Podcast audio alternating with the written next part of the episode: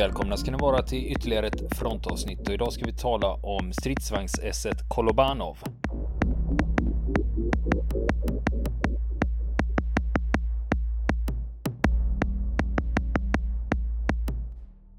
Ja Niklas, eh, vi pratar ju om Kolobanov och han hade ju gjort en insats och slagit ut massa stridsvagnar i den där vägkorsningen. Ja, och var befinner vi oss nu? Ja, det var ju som sagt ett eh, framgångsrikt bakhåll kan man ju verkligen säga, nästan enligt, reg eller enligt regelboken i princip. Eh, med eh, 43 sönderskjutna fiendevagnar av olika slag. Varav två, 22 som han kunde räkna på sitt eget konto. Och eh, hans vagn var ju efter den här striden lätt igenkännlig på grund av alla skråmor den hade fått på tornet av granater som hade träffat men inte slagit igenom pansaret. Och innan vi går vidare och berättar vad som hände sen så kan man ju ändå stanna upp och fundera att hur var det egentligen med den här striden? Eh, därför att eh, det är ju ingen hemlighet att eh, att eh, Sovjetunionen var väldigt förtjusta i att eh, försköna historien och eh, eh använda sådana här händelser i sin propaganda och överdriva och skriva om och så vidare. Eh, sånt har ju hänt många gånger. Men om man då kollar de tyska arkiven från motsvarande tid för att se eh, vad kan man hitta för spår av den här den här striden i vägkorsningen där. Så i de tyska krigsdagböckerna kan man inte utläsa något ovanligt för just den 20 augusti 1941. Mer än ett dokument från den aktuella tyska pansardivisionen från dagarna efter den här striden. Eh, för förluster rapporterades oftast med en viss förskjutning då. Det nämner då att en av bataljonerna i divisionen hade drabbats av förluster på 14 stridsvagnar som avskrevs då som totalförluster eh, vid den här tiden. Alltså de gick alltså inte att reparera. Och det här kan här, eh, härröra från den här aktuella striden då mot Kolobanovs kompani. Och Det kan vara så att resten av de skadade tyska vagnarna då har reparerats och därmed inte hamnat då i den här eh, förluststatistiken. Eh, men, eh, men ryssarna är ju säkra på sin sak. De ryska historikerna som har grävt i det här då också i de ryska arkiven är säkra på, på sin sak att det här, var en, det här var en stor strid. Även om det som sagt finns flera versioner eh, som skiljer sig åt i detaljerna om det här.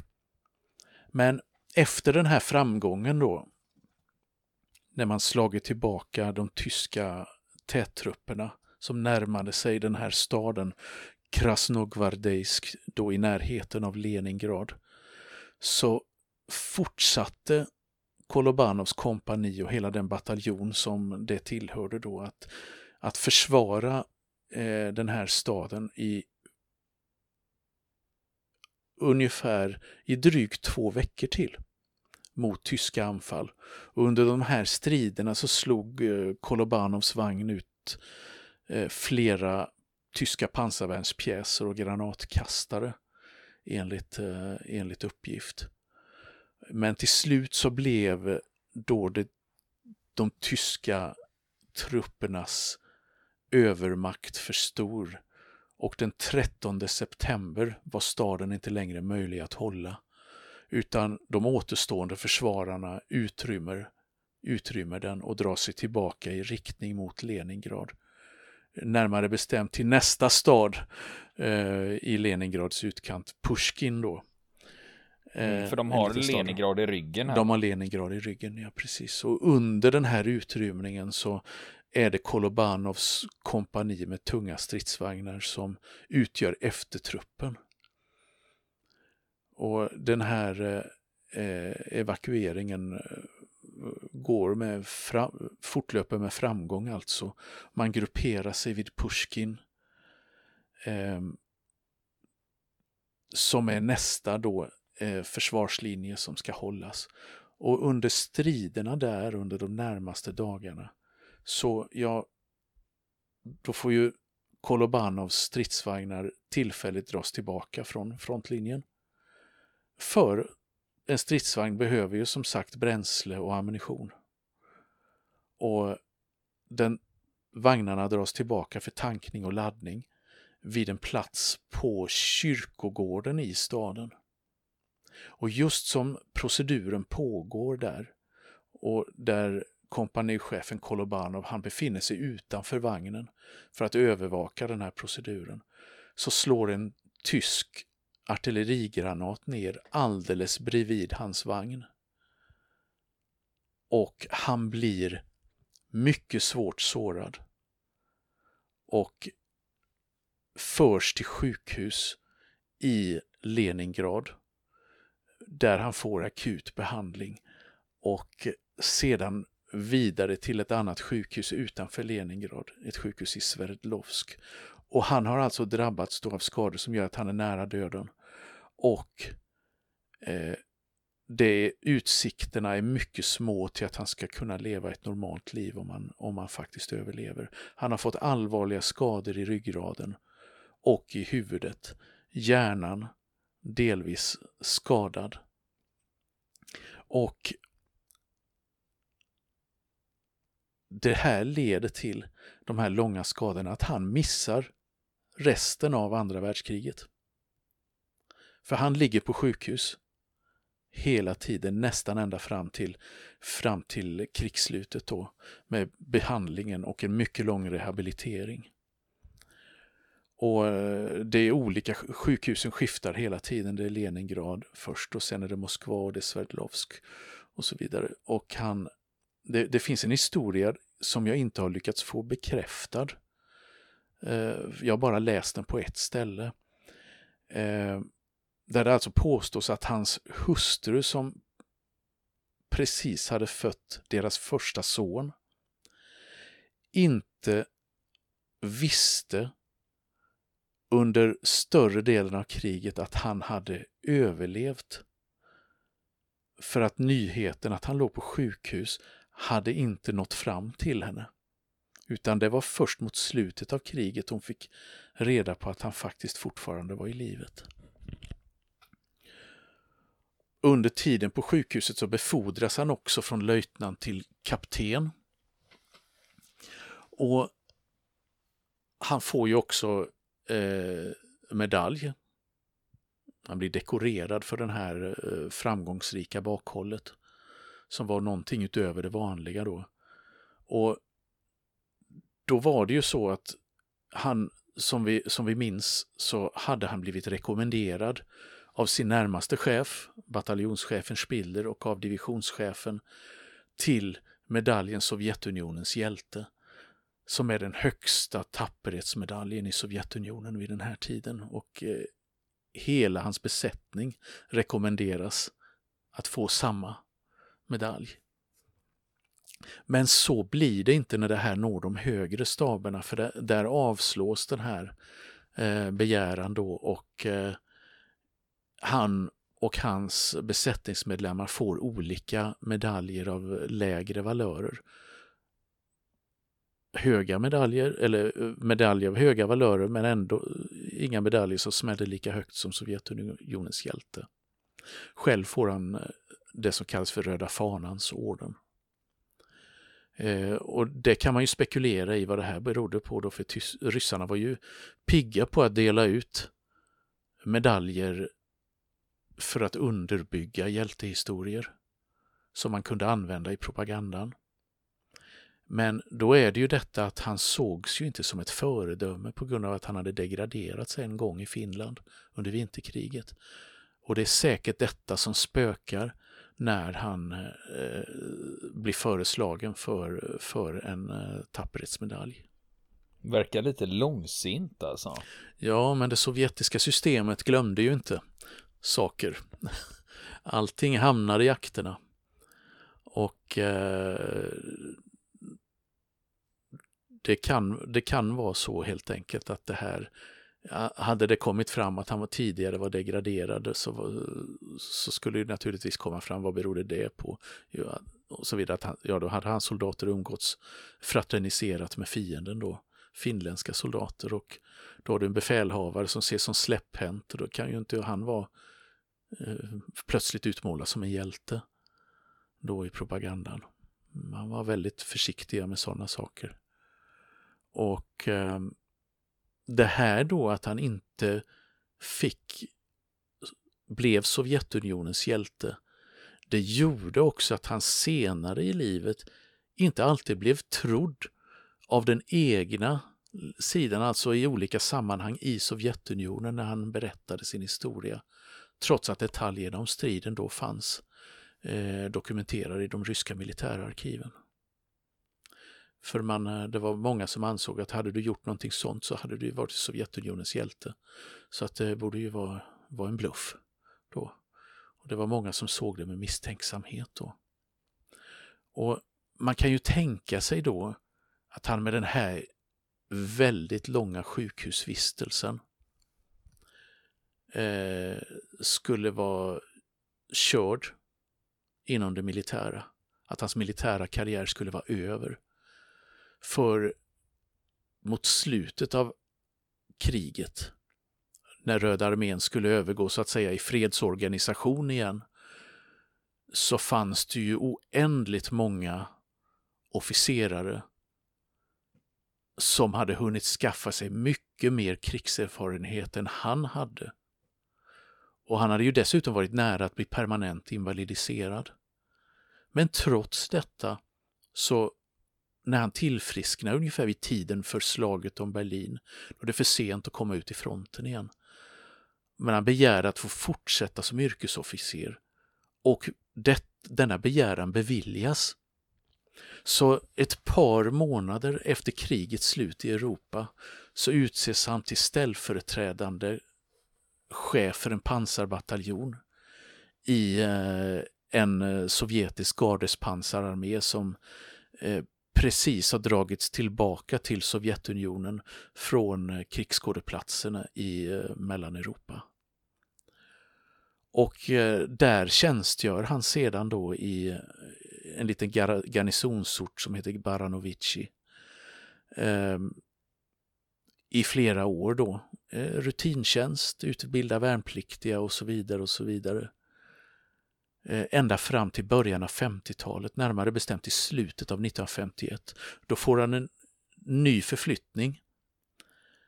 Närmare bestämt då till Östtyskland, kalla krigets frontlinje, där han blir chef för en pansarbataljon i, med bandartilleri i eh, de sovjetiska styrkorna som är baserade i, i Östtyskland vid den här tiden. Jag menar, det var ju ett permanent militärläger under hela kalla kriget.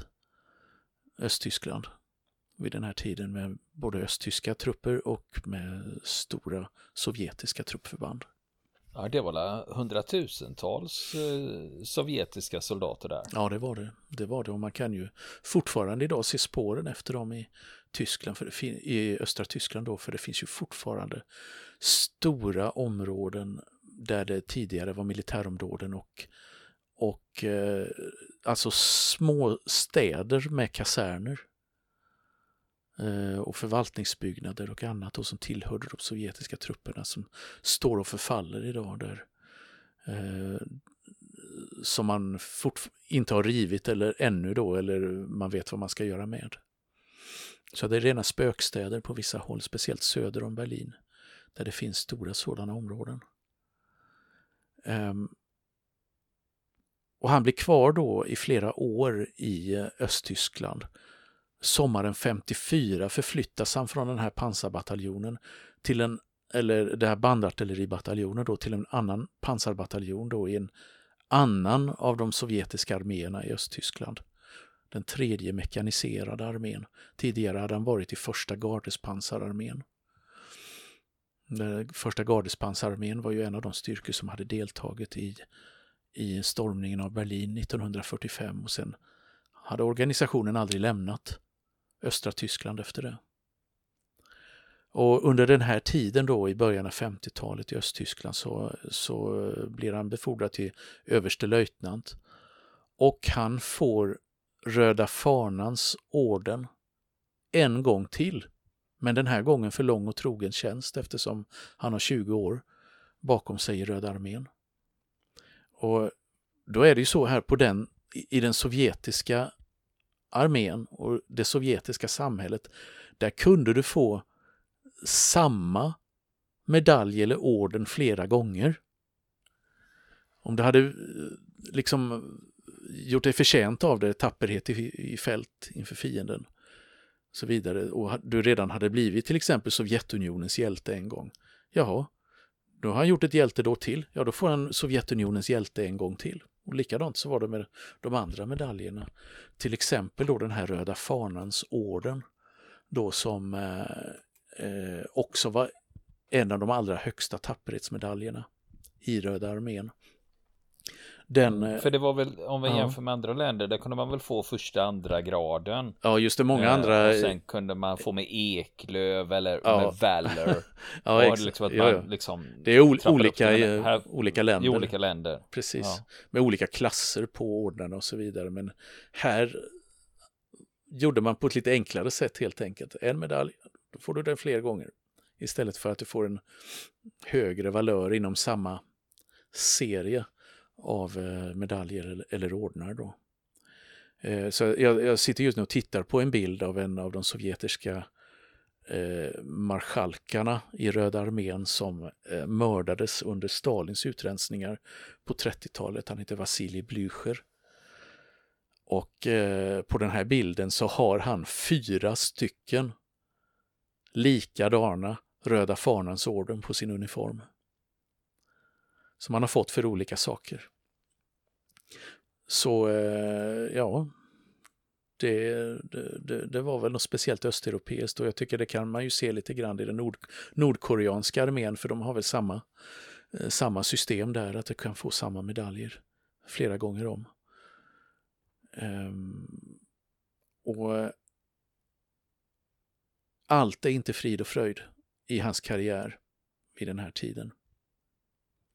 För han får problem igen med sina underordnade, med sina soldater under tiden i, i Östtyskland. För en av soldaterna i hans bataljon deserterar och lyckas till råga på allt ta sig över järnridån till de brittiska styrkorna i Västtyskland. I norra delen av Västtyskland alltså. Och det här är ju, eh, ja, det är ju, är ju så att säga en intern skandal då i, i, eh, i Röda armén. Och eh, han hotas då i egenskap av bataljonschef att ställas inför en militär domstol på grund av den här händelsen. Och hans närmaste chef räddar honom från rättegången genom att snabbt se till att han blir förflyttad tillbaka till Sovjetunionen, närmare bestämt till Vitryssland, alltså dagens Belarus.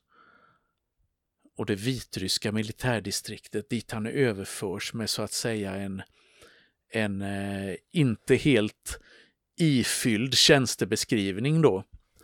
Eh, eller i, helt ifylld Eh, Eh, eller en ofullständig rekommendation kan man säga för den här förflyttningen. Och på det sättet så lyckas man trolla, lyckas eh, man trolla bort det här, eh, den här händelsen ur hans papper, vilket skulle kunna påverka hans karriär ytterligare då. Och, eh, och hindra, ja, hindra fortsatt tjänstgöring. Eh, så han hamnar där 1955 slutet av 1955 då i, i Vitryssland. Och klarar sig då därmed undan den här rättegången. Och där fortsätter hans karriär i sakta mak. Han gör liksom ingen sån här strålande eh, karriärklättring. Utan han är kvar på samma nivå som bataljonschef i olika garnisonsorter under de följande åren. Bland annat i en eh, liten stad som heter Mogiljov. Och till slut då, sommaren 1958, så överförs han till reserven. Han pensioneras i praktiken då från aktiv tjänst när han är 48 år gammal och han är fortfarande överstelöjtnant. Och eh, han blir kvar i reserven i några år då och sen eh, är han helt ute ur, ur armén. Och eh, vad det beror på att eh, han vid, eh, vid relativt unga år då helt och hållet lämnar armén, eh, det har jag inga klara belägg för varför. Man kan ju tänka sig att hans gamla skador har gjort sig påminda igen och gjort att han har fått hälsoproblem. Men det är rena spekulationer från min sida för jag har inte sett, sett några uppgifter i, i ryska källor om varför, varför eh, han lämnade armén vid den tidpunkten. För det var ju så att många av de här officerarna som gjorde avancemang där, de blev ju urgamla i, i aktiv tjänst eh, i Sovjetunionen.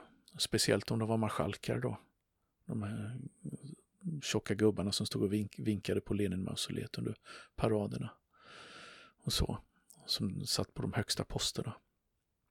Så ända in på 80-talet så var det, handlade det om de högsta officerarna hade ofta erfarenheter från andra världskriget. Då. Ännu, så att säga. Och istället då så är han ju ute i det civila livet. Och vad ska han hitta på då? Han stannar kvar i Vitryssland och börjar arbeta på en bilfabrik i Minsk. Först som förman på golvet och sen så blir, stiger han ganska snabbt i graderna och blir någon slags kvalitetsansvarig på den här eh, fabriken. Eh, vilket kanske eh, ja, kan ge lite bränsle till en del skämt så att säga eftersom kvalitet och ryska bilar är väl någonting som inte lätt, så lätt gifter sig i samma mening.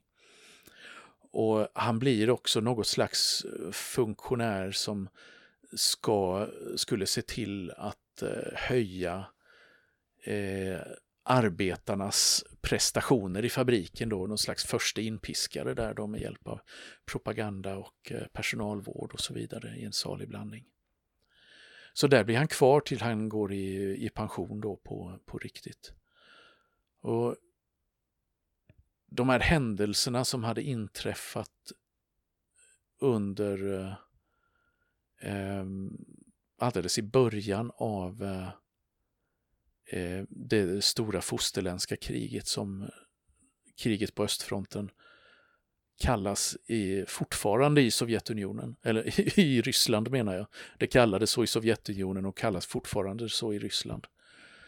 Eh, det eh, var ofta hårt redigerat i historieböckerna, ofta förvrängt och eh, inte sällan helt tabu att prata om på grund av de enorma sovjetiska förlusterna under den tiden och de stora nederlag som, som inträffade.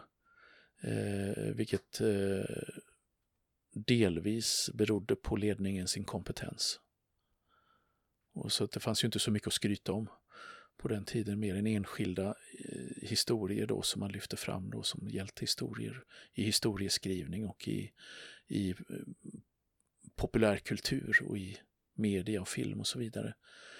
Och i bör men i början av 1970-talet så börjar alltså filmindustrin i Vitryssland eh, den vitryska filmstudion att intressera sig för hans historia, Kolobanovs, och vill göra en film om honom. Och det kan man ju tänka sig att det skulle bli då en klassisk eh, Eh, sovjetisk hjältehistoria, för det var det enda som var möjligt att göra film om i Sovjetunionen på den tiden.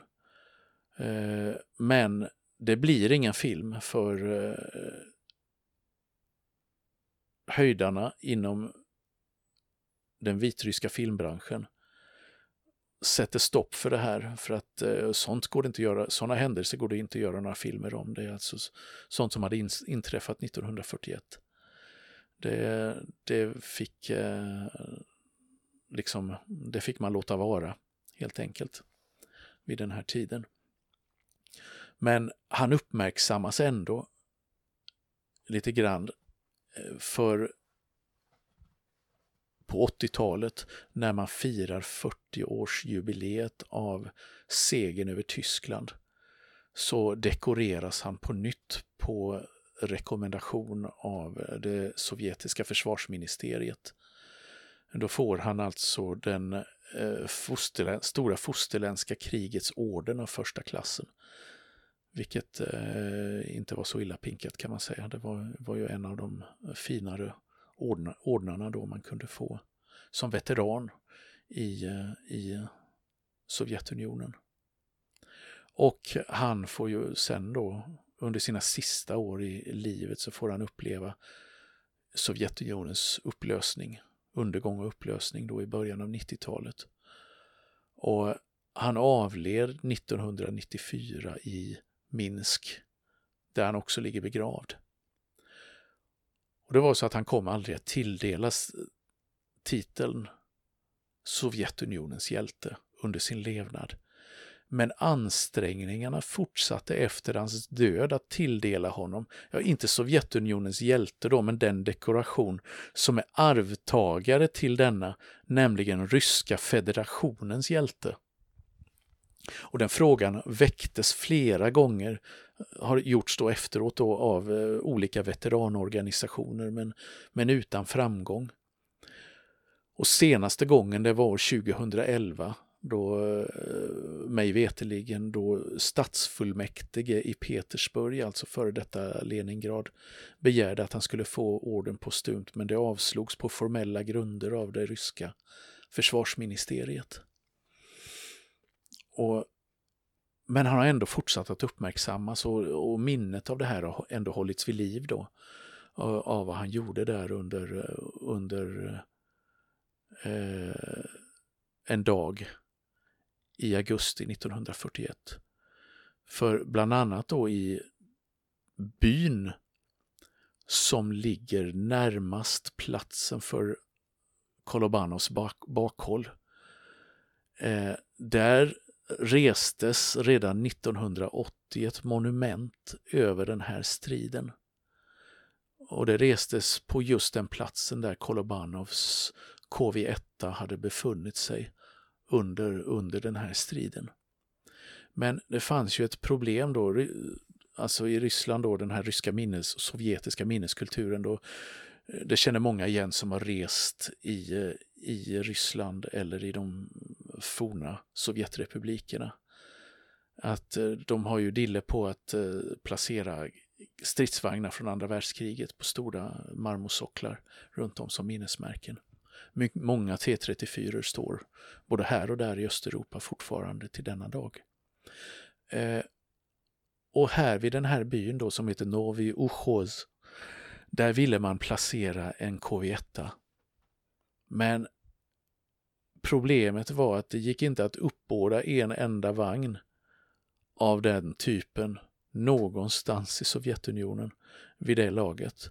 För de som fanns kvar, de stod redan på museer. Och eh, ja, de andra, de var ju ner, skrot, nersmälta eller eh, hade, låg begravda i lera eller nersjunkna i floder eller träsk runt om. Så det, det fanns ingen att få tag på. Så istället så placerade man en efterföljare till KV1 på den här sockeln då, nämligen en Josef Stalin 2-stridsvagn. De ser inte alls likadana ut, de liknar inte varandra det minsta. Men det var det bästa man kunde uppbåda eh, vid den här tiden då. Och vad jag vet så står den där än. Och i Minsk så invigdes ett eh, monument över Kolobanov på kyrkogården där han är begravd så sent som 2006. Och 2020 så restes ett annat monument över Kolobanov i, eh, i staden Nizjnij Novgorod som eh, är den närmaste staden jämte eh, byn där han föddes. Och i dagens Ryssland så har man fortfarande dille på att resa minnesmärken över eh, olika, både verkliga och påstådda hjältar från de, eh, de krig som det ryska imperiet och Sovjetunionen var inblandade i.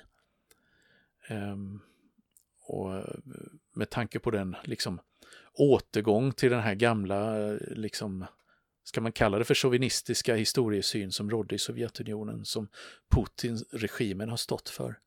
Där man har återgått till de här stora paraderna på Röda torget och man har gått tillbaka till en stor del av den här historieskrivningen som Sovjetunionen hade kring det stora fosterländska kriget som det kallas, där man bara har så att säga lyft ut kommunismen ur det hela men behåller alla, alla historier om, om, om hjältedåd och, eh, och eh, ja, skeva presentationer i skolböckerna av hur, hur eh, striderna gick till.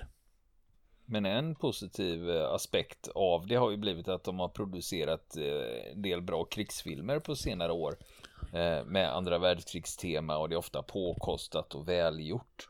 Ja, just det. Eh, men det, men det ligger också i linje med det här och berätta den här historien återigen. Ja, precis, precis. Och det, det, det gör det ju, men det, det är välgjort. Är det ju, får man ju säga, rent, rent tekniskt sett. Och eh, de har ju lärt sig den ryska filmindustrin också Eh, liksom, eh, kan man kalla det för Private Ryan-effekten? Lite grann. Att um, man lägger sig i den fåran, att uh, man förnekar ju inte att det var blodigt och man förnekar ju inte så sett de egna förlusterna att, att det var blodigt för båda sidor.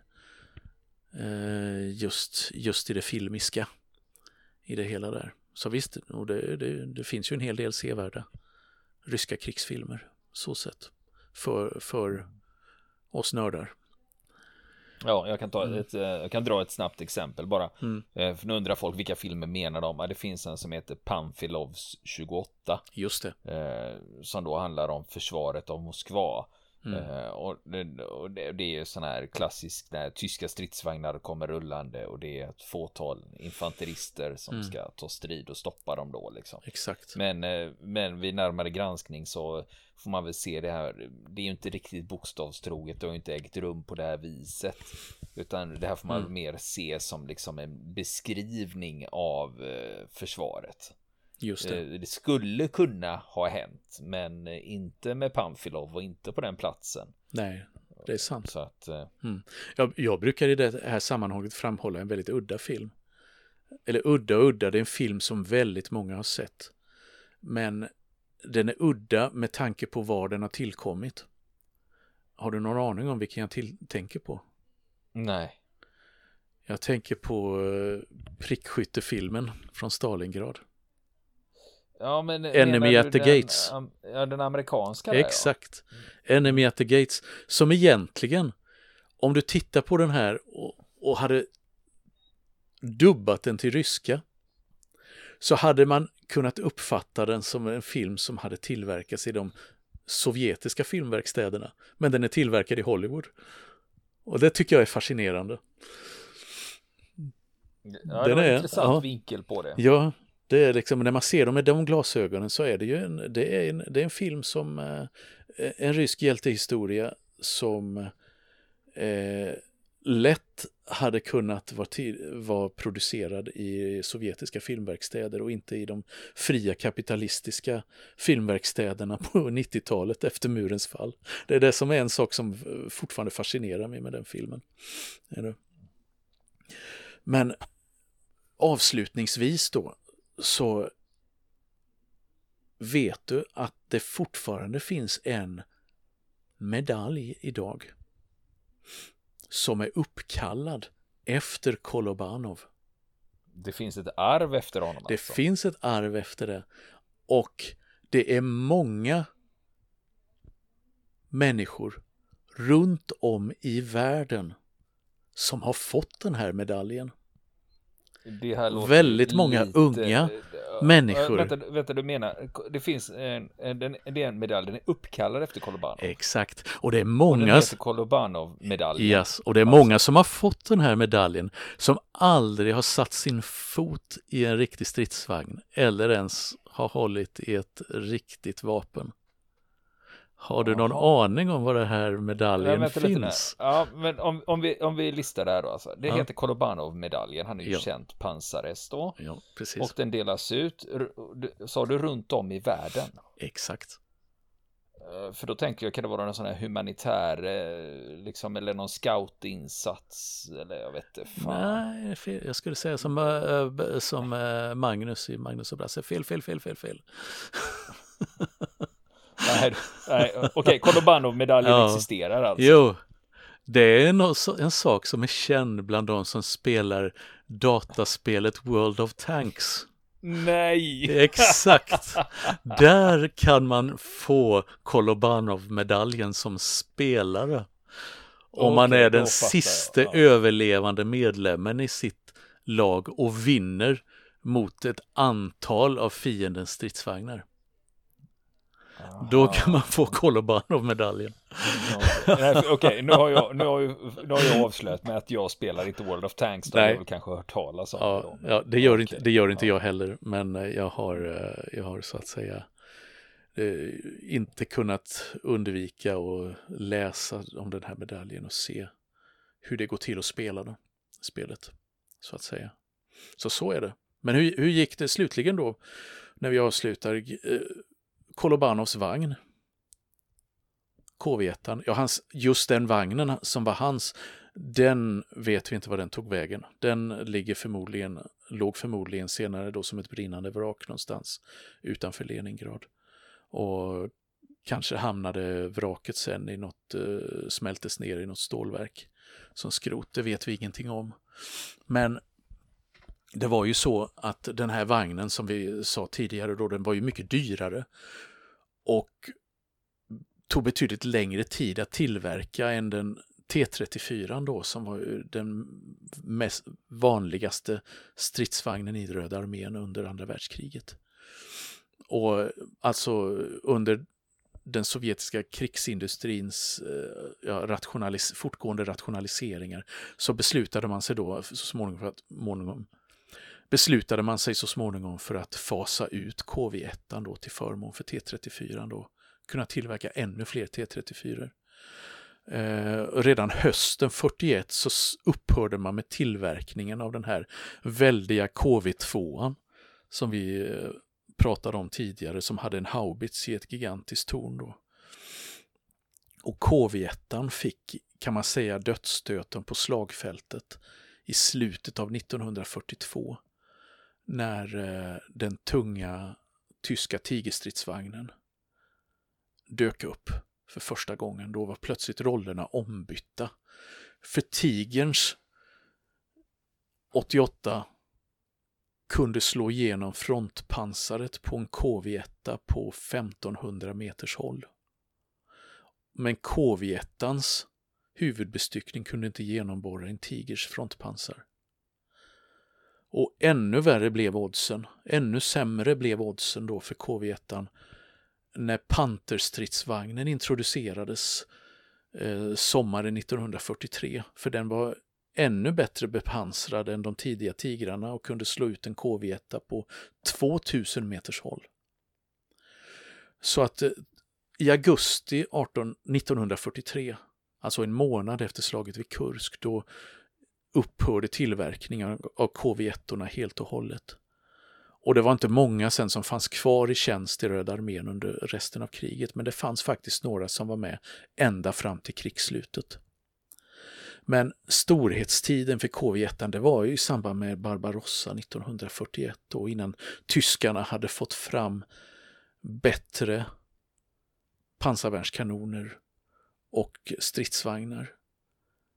Och från 42 då så börjar tyskarna pumpa ut tekniskt sett bättre stridsvagnar och bättre pansarvärnsvapen. Men eh, som vi vet och vi med facit i hand så kunde man med deras hjälp bara fördröja nederlaget, dra ut på kriget. Och eh, jag läste en artikel som författaren Christer Bergström har skrivit om KV1 i ett, ett nummer av Militär historia för något år sedan. Då där skriver han att KV1 spelade en mycket betydelsefull roll för Sovjetunionens förmåga att överleva de enorma slag som utdelades av Hitlers invasionsarmé 1941. Och på så vis kan KV1 faktiskt sägas ha spelat en viktig roll för utgången av andra världskriget och det får man väl säga var välformulerat i sammanhanget. Vill ni komma i kontakt med oss så kan ni göra det via vår Facebook-sida som heter Fronten. Det är inga problem för er att leta er fram där. Eller också så mejlar ni på vår mejladress och det är frontenpodcastgmail.com.